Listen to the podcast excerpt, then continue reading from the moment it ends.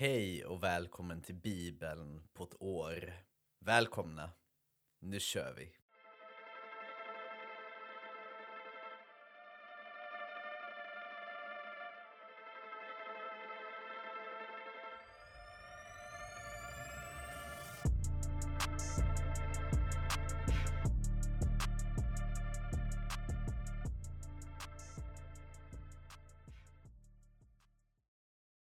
Vi ber.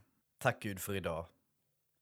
Tack för det glittrande hav av snö som finns hos oss. Värm oss i den kyla som blåser runt oss. Värm oss, men värm också upp våra hjärtan. Visa på den kärlek som vi borde ha till varandra, till vår nästa.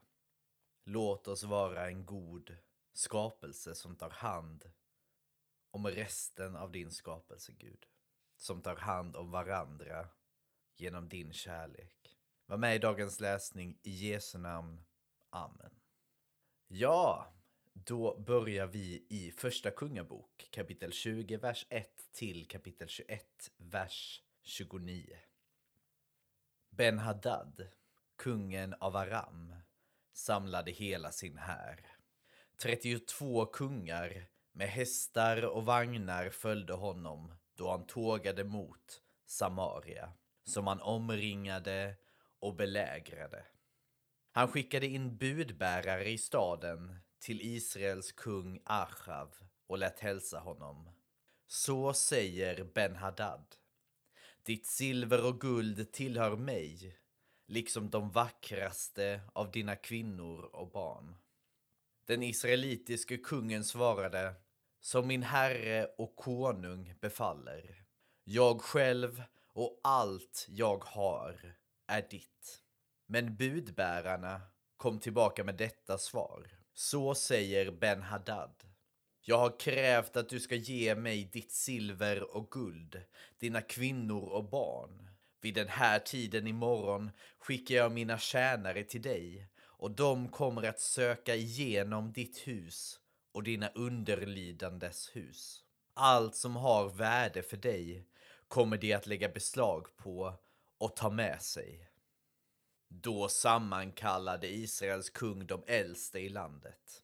Ni ser själva, sade han, vi har bara ont att vänta av denna man. Han krävde att få mina kvinnor och barn, mitt silver och guld, och det nekade jag honom inte. De äldste och folket uppmanade kungen att inte lyssna på Ben-Hadad och inte ge efter för honom. Achav svarade då budbärarna. Säg till min herre och konung. Allt vad du först begärde av mig är jag beredd att göra. Men detta kan jag inte gå med på. När budbärarna kom tillbaka med beskedet lät Ben Haddad svara Gudarna må straffa mig nu och framgent om det blir kvar så mycket grus av Samaria att mina soldater får var sin handfull. Israels kung svarade Hälsa honom att skrytet bör vänta till svärdet spänns av. Ben Haddad höll gästabud i lägret tillsammans med kungarna när svaret kom. Han gav trupperna order om stridsberedskap och de gjorde sig beredda att storma staden. Då trädde en profet fram inför Achav, Israels kung, och sade Så säger Herren. Ser du denna väldiga här? Idag ska jag ge den i ditt våld. Och då ska du inse att jag är Herren. Achav frågade Genom vem ska du göra detta? Profeten svarade Så säger Herren genom ståthållarnas gade. Achav frågade Vem öppnar striden? Profeten svarade Du. Achav mönstrade ståthållarnas garde. 232 man, och därefter hela den israelitiska hären, 7000 man. Vid middagstiden gjorde de ett utfall samtidigt som Ben-Hadad drack sig berusad i lägret tillsammans med de 32 kungarna som understödde honom. Ståthållarnas garde ryckte ut först. Då rapporterade Ben-Hadads spejare. Det kommer ut folk från Samaria. Kommer de och ber om fred, så ta dem levande, sade Ben-Hadad. Och kommer de för att strida, så ta dem levande då också. Ståthållarnas garde hade nu ryckt ut och efter dem de andra trupperna. Varje israelisk krigare nedgjorde sin man. Arameerna tog till flykten och israeliterna förföljde dem. Men arameerkungen Ben-Hadad undkom till häst med några ryttare. Nu drog Israels kung ut och tog hästarna och vagnarna och tillfogade arameerna ett svårt nederlag. Då trädde profeten fram inför Israels kung och sade Slå dig nu inte till ro, utan tänk över vad du ska göra. Vid nästa årsskifte drar kungen av Aram åter i fält mot dig. Och Aramerkungens rådgivare förklarade för sin herre. Deras gud är en bergsgud. Det var därför de kunde besegra oss. Men låt oss strida med dem ute på slätten. Där ska vi säkert besegra dem. Gör nu så här. Avsätt alla kungarna och byt ut dem mot guvernörer. Ställ sedan upp en här av samma storlek som den du har förlorat. Med lika många hästar och lika många vagnar. Och låt oss strida mot dem ute på slätten. Då ska vi säkert besegra dem. Kungen lyssnade till deras råd och följde det. Vid årsskiftet mönstrade Ben-Hadad arameerna och tågade till Afek för att strida mot Israel. Också israeliterna hade mönstrats och fått proviant. De drog ut för att möta arameerna och slog läger mittemot dem. Israeliterna stod där som ett par små getflockar medan arameerna översvämmade landet. Då trädde gudsmannen fram inför Israels kung och sade Så säger Herren. Eftersom arameerna har sagt att jag är en bergsgud och inte någon slättgud så ska jag ge hela denna väldiga här i ditt våld. Då ska ni inse att jag är Herren. I sju dagar låg de mitt emot varandra. Men på den sjunde dagen började striden. Israeliterna nedgjorde på en enda dag hundratusen man av arameernas fotfolk. De arameer som överlevt flydde till Afek. Men när de kommit in i staden rasade stadsmuren ner över 27 000 av dem. Också Ben Haddad flydde och nådde staden, där han gömde sig längst inne i ett hus. Då sade hans män till honom. Vi har hört att Israels kungar har ett försonligt sinnelag. Låt oss få gå ut till Israels kung med säcktyg kring höfterna och rep om huvudet, så kanske han låter dig leva. De band säcktyg kring höfterna och rep om huvudet och kom till den israelitiska kungen och sade Din tjänare Ben-Hadad ber för sitt liv. Kungen svarade Lever han fortfarande? Han är min broder. Männen som var ute efter ett gott tecken tog genast fasta på kungens ord. Ja, sade de, Ben Haddad är din broder. Kungen befallde dem att gå och hämta honom och så kom Ben Haddad ut till Israels kung och fick stiga upp till honom i vagnen. Ben Haddad sade De städer som min far erövrade från din far ska jag återlämna och du ska få öppna basarer i Damaskus, liksom min far fick göra i Samaria. På dessa villkor ska jag släppa dig fri, sade Achav. Och så slöt han fördrag med honom och lät honom gå. En man i profetskaran sade på Herrens befallning till en av de övriga, slå till mig. Då den andre vägrade sade han, eftersom du inte lyssnade till Herrens befallning ska ett lejon slå dig när du går härifrån. Den andre gick och på vägen mötte han ett lejon som dödade honom. Sedan vände sig profeten till en annan man och befallde denne att slå till honom. Och den mannen gav honom ett slag så att han blev skadad. Profeten gick då och ställde sig vid vägen och väntade på kungen. Och för att inte bli igenkänd band han en duk för ögonen. När kungen kom förbi anropade profeten honom. Herre, sade han. Jag var på väg ut i striden och då kom en soldat emot mig och lämnade en fånge åt mig. Han sade vakta den här mannen. Om han slipper undan får du svara med ditt liv för hans och betala en talent silver. Men jag fick annat att sköta och plötsligt var fången borta. Kungen sade, din dom är fälld. Du har själv uttalat den. Men profeten ryckte hastigt duken från ögonen och då upptäckte kungen att det var en av profeterna. Och profeten sade till honom, så säger Herren.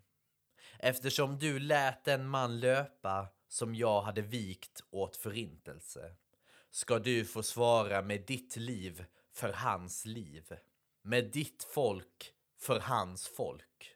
Kungen fortsatte hemåt och dyster och förbittrad kom han till Samaria.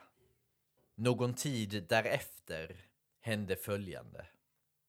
Navot, som var från Israel, ägde en vingård där. Den låg intill det palats som tillhörde kung Achav i Samaria. Achav sade till Navot, låt mig få din vingård att ha till köksträdgård. Den gränsar ju till mitt hus. Jag ska ge dig en bättre vingård istället, eller betala dig i pengar, om du föredrar det. Men Navot svarade, Herren förbjude att jag skulle låta dig få vad jag ärvt av mina fäder. Achav begav sig hem, dyster och förbittrad över att Navot från Israel hade svarat att han inte ville ge honom sitt fädernearv. Han lade sig på sängen med ansiktet bortvänt och ville inte äta. Då kom hans fru Isabel. Vad är det som grämer dig? frågade hon. Varför äter du ingenting? Achav svarade. Jag har talat med Navot från Israel. Jag bad att få köpa hans vingård eller ge honom en annan istället om han föredrog det. Men han sade, du får inte min vingård. Då sade Isabel, nu får du visa vem som regerar i Israel. Stig upp och ät och var vid gott mod. Jag ska se till att du får Israeliten Navots vingård.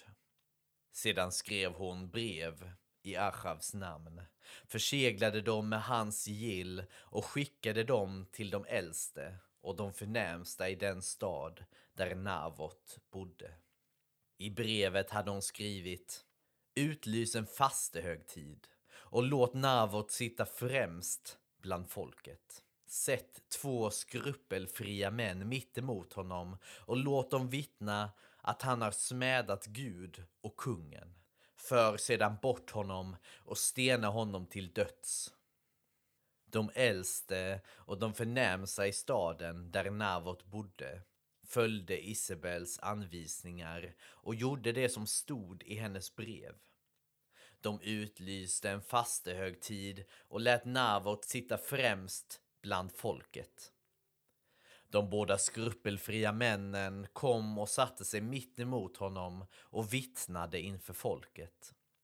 Navot har smädat Gud och kungen. Då förde man bort honom ut ur staden och stenade honom till döds. Och då sände man bud till Isabel. Navot har stenats till döds. När hon hörde detta sade hon till Achav Nu kan du överta gisreliten Navots vingård. Den som han vägrade att sälja till dig. Navot är inte längre i livet. Han är död. Då Achav fick veta att Navot från Israel var död gav han sig iväg ner till hans vingård för att ta den i besittning. Då kom Herrens ord till Elia från Tishbe. Gå och sök upp Achav, Israels kung, som regerar i Samaria. Du finner honom i Navots vingård, som han har kommit för att ta i besittning. Säg till honom, så säger Herren. Har du både dräpt och hunnit lyfta arvet? Sedan ska du fortsätta, så säger Herren. På den plats där hundarna slickade Navots blod ska de också slicka ditt. Achav sade till Elia, nu har du mig fast, du min fiende. Ja, nu har jag dig fast, sade Elia. Och eftersom du har sålt dig till att göra det som är ont i Herrens ögon ska jag låta det onda drabba dig. Jag ska rensa upp efter dig och utrota vartenda manfolk i Israel som tillhör Achavs släkt, hög som låg. Jag ska låta det gå med din ett som det gick med Jerobeams, Nevats sons ett och Bashas, Achias sons ett. Och detta därför att du har väckt min vrede och förlett Israel till synd. Också om Isabel har Herren talat. Henne ska hundarna äta på Israels mark. De av Achavs ett som dör inne i staden, de ska hundarna äta upp. Och de som dör ute på åkrarna, de ska himlens fåglar äta. Ingen har, som Achav, sålt sig till att göra det som är ont i Herrens ögon. Det var hans hustru Isabel som äggade honom till det. Särskilt avskyvärt handlade han då han höll sig till avgudarna alldeles som amoreerna hade gjort. De som Herren hade drivit undan för israeliterna. När Achav hörde vad Elia sade rev han sönder sina kläder, satte säcktyg på bara kroppen och fastade. Också när han sov var han klädd i säcktyg och han gick med tunga steg. Då kom Herrens ord till Elia från Tishbe. Har du sett hur Achav ödmjukar sig inför mig? Eftersom han gör det ska jag inte låta olyckan komma i hans egen tid. Först i hans sons dagar ska jag låta olyckan drabba hans ett. Vi fortsätter i Apostlagärningarna kapitel 12, vers 24 till kapitel 13, vers 15. Guds ord fortsatte att sprida sig och tillväxa. Sedan Barnabas och Saul hade fullgjort sitt uppdrag i Jerusalem vände de tillbaka och tog då med sig Johannes som kallades Markus. I församlingen i Antiochia fanns dessa profeter och lärare. Barnabas, Symeon som kallades Niger, Lucius från Kyrene, Manaen som var uppfostrad tillsammans med tetrarken Herodes samt Saul.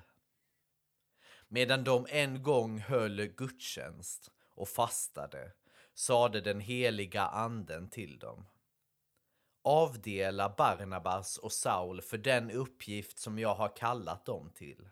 Efter fasta och bön lade de sina händer på dem och skickade iväg dem.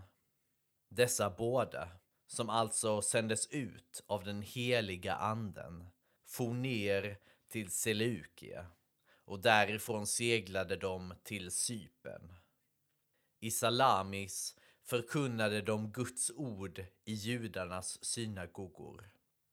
De hade också med sig Johannes som hjälp. Sedan tog de sig tvärs över ön till Pafos, där de träffade på en judisk trollkarl vid namn Bar Jesus, som påstod sig vara profet. Han umgicks hos den romerske ståthållaren Sergius Paulus, som var en klok man. Denne kallade till sig Barnabas och Saul och bad att få höra Guds ord. Men Ylemas, namnet kan översättas med trollkar, motarbetade dem och sökte förhindra att ståthållaren kom till tro. Saul, som även kallades Paulus, fylldes då av helig ande. Han spände blicken i honom och sade Du djävulens son, full av list och fräckhet. Du fiende till allt rättfärdigt. Ska du aldrig sluta med att göra Herrens raka vägar krokiga? Nu slår dig Herrens hand. Du ska vara blind en tid och inte se solen. I detsamma föll töcken och mörker över mannen. Och han gick runt och famlade efter något som kunde leda honom. När då ståthållaren såg vad som hade hänt kom han till tro, överväldigad av Herrens lära. Från Pafos seglade Paulus och hans följeslagare till Perge i Pamfylien. Där övergav Johannes dem och återvände till Jerusalem. Själva fortsatte de från Perge och kom till Antiochia i Pisidien. På sabbatsdagen gick de till synagogan och satte sig där. Efter läsningen ur lagen och profeterna lät synagogföreståndarna hälsa Bröder, om ni har något att säga till folkets uppbyggelse, så gör det. Ja, Saul blir Paulus. Det är namnet som vi kanske mest förknippar honom med. Så vi får höra mer om Paulus i nästa avsnitt. Nu fortsätter vi med Saltaren 137. Vid Babylons floder satt vi och grät när vi tänkte på Sion. I pilträden som växte där hade vi hängt våra lyror. De som höll oss fångna bad oss att sjunga, de som släpat bort oss bad oss om glada visor. Sjung för oss en sång från Sion. Men hur kunde vi sjunga Herrens sånger i ett främmande land? Om jag glömmer dig, Jerusalem, Må min högra hand förlamas. Må min tunga fastna vid gommen om jag inte tänker på dig. Om jag inte sätter Jerusalem högre än all annan glädje. Herre, tänk på Jerusalems olycksdag. Hur edoméerna ropade Riv ner, riv ner till grunden. Babylon, du förstörerska. Lycklig den som får vedergälla vad du har gjort mot oss. Lycklig den som får ta dina späda barn och krossa dem mot klippan. Jag har mycket känsla och mycket starka ord. Och jag tänker att det, det finns i alla tider. Det här de förstörde allt för oss, nu ska vi förstöra allt för dem. Det ligger väl i människans natur på något sätt. Och det är hemskt. Men det är därför vi behöver Guds nåd, helt enkelt. Vi avslutar i Ordspråksboken kapitel 17, vers 16. Vad gagnar pengar i dårens hand? Kan han köpa vishet, han som saknar vett? Ja, det var allt för idag. Tack för idag.